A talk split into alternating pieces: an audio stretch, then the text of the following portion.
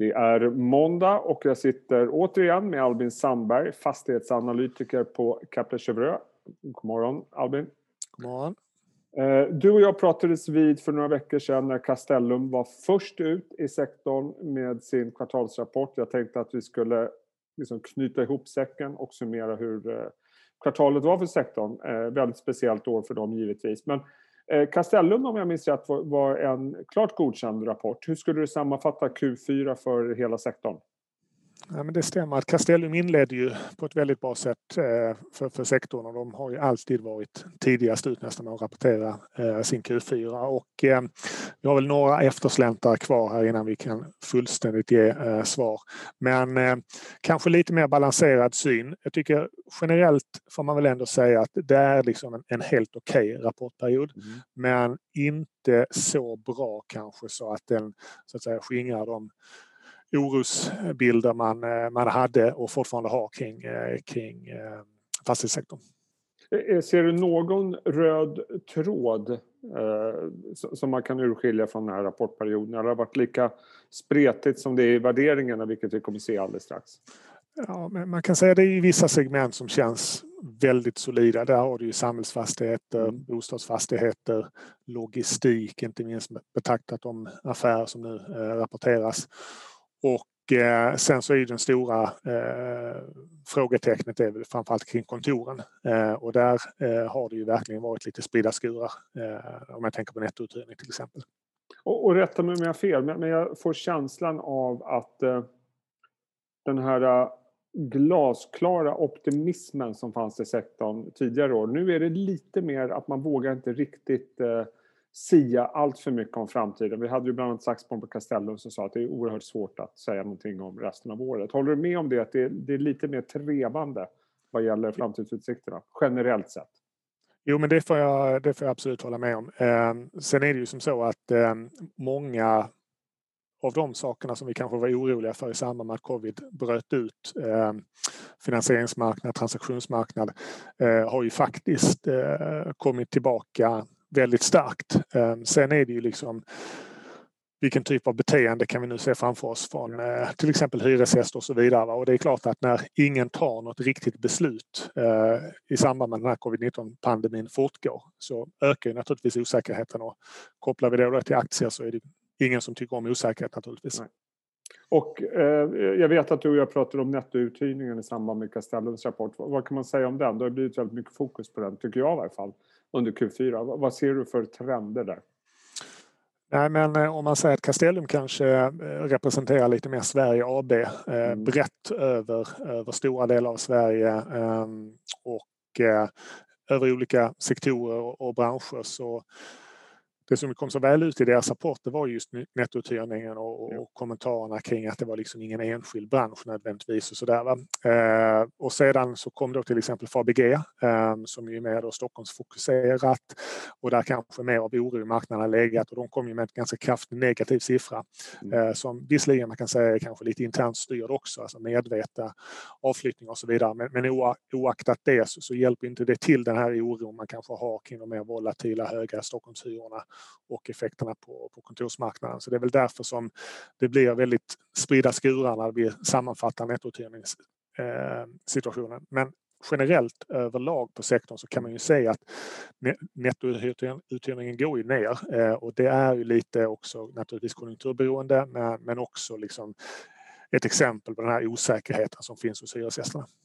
Så att om man ska sammanfatta Q4 helt okej okay rapporter, men möjligtvis lite... Alltså man har inte fått någon förstärkt bild av att, att eh, framtidsutsikterna är lysande. Eller hur ska man ja, jag skulle säga att de, den oro man kunde ha innan rapporterna, den, den, eh, den lever kvar här okay. efter rapporterna. Och vi får liksom blicka ytterligare kanske en, två kvartal framåt. Och då tänker jag framförallt på att vi liksom ser det här vaccinationstrenden liksom förbättras, att det inte blir prat om ytterligare restriktioner, eh, tredje våg och så vidare. Och att det i sin tur leder till att vi börjar se lite footfall, det vill säga folk är tillbaka på restauranger, lite tillbaka på kontor och så vidare.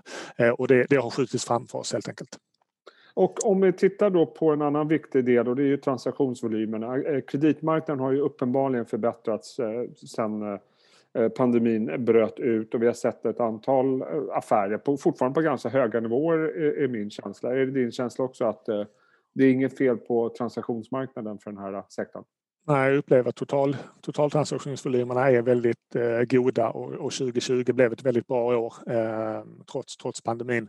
Eh, jag har pratat om det länge men, men eh, jakten på avkastning fortsätter trots att långräntorna kanske går upp lite på kort sikt åtminstone. Eh, och vår känsla är att det finns mycket kapital som, som fortfarande letar eh, sig in mot mm. fastigheter.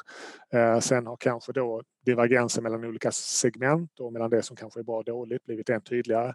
Men jag tycker absolut när vi tittar på transaktionsvolymer utifrån någon form av stöd för värderingar så, så definitivt trendar det på ett positivt sätt. Och, och, du nämnde att långräntorna har rört sig uppåt och eh, om man då kommer in på det här yieldgapet som eh, är vanligt förekommande när man pratar fastigheter. Vad, vad, säger det dig att gapet ser ut? För det är ganska stort nu om jag tolkar det rätt. Nej, men det så har det varit ett, ett, ett längre tid så att säga. Va? Och det har vi använt som ett argument varför vi tycker då att eh, avkastning på, på fastigheter ja. eh, i ett relativt spel inte ser så aggressivt ut som, som ibland man kanske kan tro. Eh, och eh, att antingen då skulle det finnas utrymme för gilden att komma ner ytterligare eller att, att långräntorna skulle kunna stiga eh, lite grann. Nu eh, är ju inte jag någon ränteexpert eh, sådär utan jag får eh, lyssna på, på våra experter internt hos oss. Och, eh, det ena är väl att vi får väl se naturligtvis eh, om det här är en ihållande trend men den initiala reaktionen är naturligtvis att, att eh, fastigheter är ju räntekänsligt då mm. eh, och att kanske bank och försäkringsbolag är en större vinnare på, på stigande långräntor. Eh, men jag tycker också man ska inte glömma bort att titta på orsakerna bakom eventuella stigande långräntor och så vidare. Och här har vi liksom en liten också då mixad eh, syn där, där långräntorna är upp men samtidigt som finansieringsmarknaden mm. och vad bolagen faktiskt kan låna på känns som att det, det fortsätter liksom sprädda ihop om jag säger så. Eh, och är det som så att, att de här långräntorna pekar på en ökad tillväxt så eh, vet jag inte något fastighetsbolag som inte har gynnats av, av tillväxt. Nej. Eh, och, och apropå transaktioner, när du och jag pratades vid så, så hade inte Castellum dragit sig ur Entra-affären. Det har de gjort nu. Du sa då att du trodde att det skulle bli svårt för Castellum att få igenom det nu sitter vi här med att Balder har ett stort ägande. SBB har väl inte dragit sig ur officiellt samtidigt som Entra verkar vara extremt ointresserade, låter det som i alla fall. Hur kommer det här sluta? Nej, just eh, givet att Balder sitter nu med någonstans 25 procent plus av rösterna. Eh, Folketrygfondet, eh, en lokal norsk investerare som också gått ut och, och tydligt pratat för att man vill se Entra som ett eh, fristående Eh, bolag även fortsättningsvis eh, så känns det ju eh, tufft även för SBB naturligtvis. Utan Sitter man som entra så tycker jag man får man väl vara, vara glad över att man har sett den, den värdeuppgång som har skett i aktien här eh, sedan den här budaktiviteten startade. Eh, och eh, även i Norge får vi ju liksom mer och mer tecken på att eh, den kommersiella fastighetsmarknaden faktiskt eh, mår väldigt bra. Eh, om, vi tar en titt då på sektorn ur ett aktieperspektiv. Jag har två kursgrafer med oss. Den första är ju att eh, visa på fastigheter på tre år. Och, och, det är lätt att glömma bort att det gick oerhört bra för den här sektorn fram till pandemin. Eh, och är fortfarande plus under den perioden. Men däremot senaste året så har det definitivt laggat mot övriga börsen och återhämtningen har inte varit till det närmaste lika stark som, som den har varit för övriga börsen. Och det känns till och med som eh, spreaden har ökat på sistone, vilket kanske har att göra med då det du säger om Q4, att oron kanske består. Hur ser du på sektorn som en investering framöver? För det är fortfarande en av få sektorer som ligger på minus när mm. pandemin bröt ut. Nej, men det är klart, det, det mötte ju väldigt tuffa jämförelsetal får man säga. Men starten på 2020, eh, hade vi suttit här för några år sedan så hade det varit eh, som sagt alla, alla stjärnor stod mm. eh, rätt. Eh, och ehm, Eh, Eh, det är klart att det var ju en effekt naturligtvis av att, att den här outperformancen som hade varit tidigare eh, försvann. Jag tror ehm, eh, vi är fortfarande konstruktiva till sektorn. Vi har mestadelen köprekommendationer hos oss i varje fall. Ehm, och vi tror att liksom framtidsutsikterna för fastigheterna generellt är, är goda. Sedan så tror jag liksom att Eh, normalt sett så, eller normalt ska jag inte säga, men det är väl inte omöjligt att man börjar alltid, ofta i åren, med att man kanske är lite mer bullish, eh, lite mer cykliskt och då faller liksom fastigheter ur det temat lite grann. Plus att ja, det måste komma lite mer positiva nyhetsflöden kring vaccineringen. Att vi får liksom bort lite av den här osäkerheten. Så att på den korta sikten så är det kanske ingen uppenbar trigger som skulle liksom stänga det här eh, gapet, skulle jag säga det. Men, men, jag får nästan känslan när jag pratar med dig att eh, fastighetssektorn har hamnat i den gruppen av bolag som kallas för coronaförlorare. Det vill säga att det blir oerhört viktigt, kanske mer för den här sektorn än många andra sektorer, att, som du är inne på, att det öppnar upp i samhället. Oavsett om det innebär en högre ränta så är det bara öppna upp, eh, återgå till någon form av normalitet kommer gynna sektorn värderingsmässigt.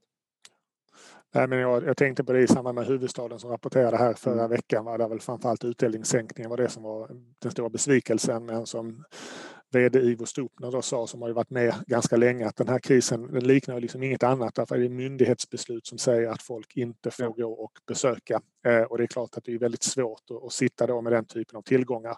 Eh, man kan ju naturligtvis försöka göra det bästa man kan, men till syvende och sist så måste det öppnas upp innan, innan vi kan se någon, något positivt delta. Och, och, det är ganska intressant. Jag såg tidigare en graf eh, från dig som visade på värderingarna eh, i, i sektorn och där är det oerhört tydligt att tittar man på de som har högst värdering då har vi liksom, vad är Catena är där, Sagax är där och på botten så har vi typ Atrium, huvudstaden. Eh, oerhört stor diskrepans och framförallt det känns som det är väldigt stora värderingsskillnader i en sektor som åtminstone tidigare uppfattats som ganska homogen. Nej, men det, det slår en verkligen. Och där kan man ju ta ett, ett, ett eh, exempel som Fabg som återstartar sina återköpsprogram här nu efter, efter Q4 som jag tycker är ett eh, som jag som aktieanalytiker ser som väldigt positivt när man som, som bolag liksom eh, tittar på mm. den rabatt man handlar på och eh, om vi nu anser att transaktionsvolymer sker i linje med NAV, varför inte köpa aktien på en, på en rabatt då? Eh, men jag tror också som så här Jesper att den här värderingsdivergensen den kommer nog bestå tills dess att vi får liksom det här liksom nyhetsflödet som ändrar det. Därför att tittar man på Catena och Sagax så är det ju mycket logistik. Jag menar, logistik är ju kanske då en Även om fastighet som helhet kanske är en covid-förlorare så är logistik en covid-vinnare på, på, mm. temat att man sitter hemma och handlar mer. Eh, och eh, Eh, så länge vi ser till exempel Blackstone komma in och köper tillgångar från Castellum kraftigt över bokvärde så, så räcker det för, tycker jag, att liksom, eh, motivera den, den PNAV-premie som finns på logistikspel. Och det är inte Sverige-specifikt, det, vi ser det över hela Europa också. Så, så kortsiktigt så är det inte läge att eh, liksom fyndköpa i lågt värderade fastighetsbolag eftersom det är ett betydligt svagare momentum bland många av de bolagen? Inte nödvändigtvis, det beror på lite vilken, eh, vilken tidsaspekt man har. Va? Men, eh, men eh, tar man en lite längre tidsaspekt så skulle jag absolut kunna tänka mig att, att göra det. Men det kan ju också vara som så att vi tittar om tre månader och vi ser samma ja. Värderingsdivergens, logistik kontra retail så att säga. Mm. Ja, intressant.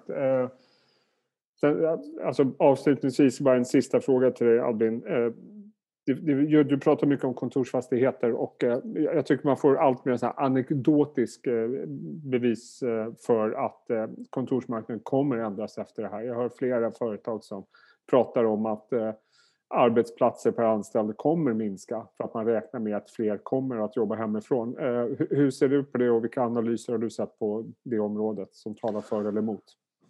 Ja, men I det korta perspektivet kan vi konstatera att eh, osäkerhet kring detta blir aldrig, aldrig någonting positivt så att säga för de som sitter med, med kontorstillgångar. Eh, aktiemarknaden gillar ju naturligtvis inte osäkerhet av, av eh, naturliga faktorer.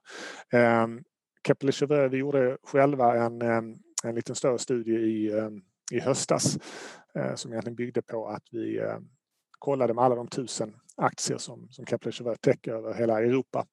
Eh, och då kan man väl säga att Sverige ligger kanske lite före skulle jag säga den här work from home-trenden eh, så lång tid tillbaka. Jag tror inte minst kulturellt att det är okej okay, eh, att jobba hemifrån.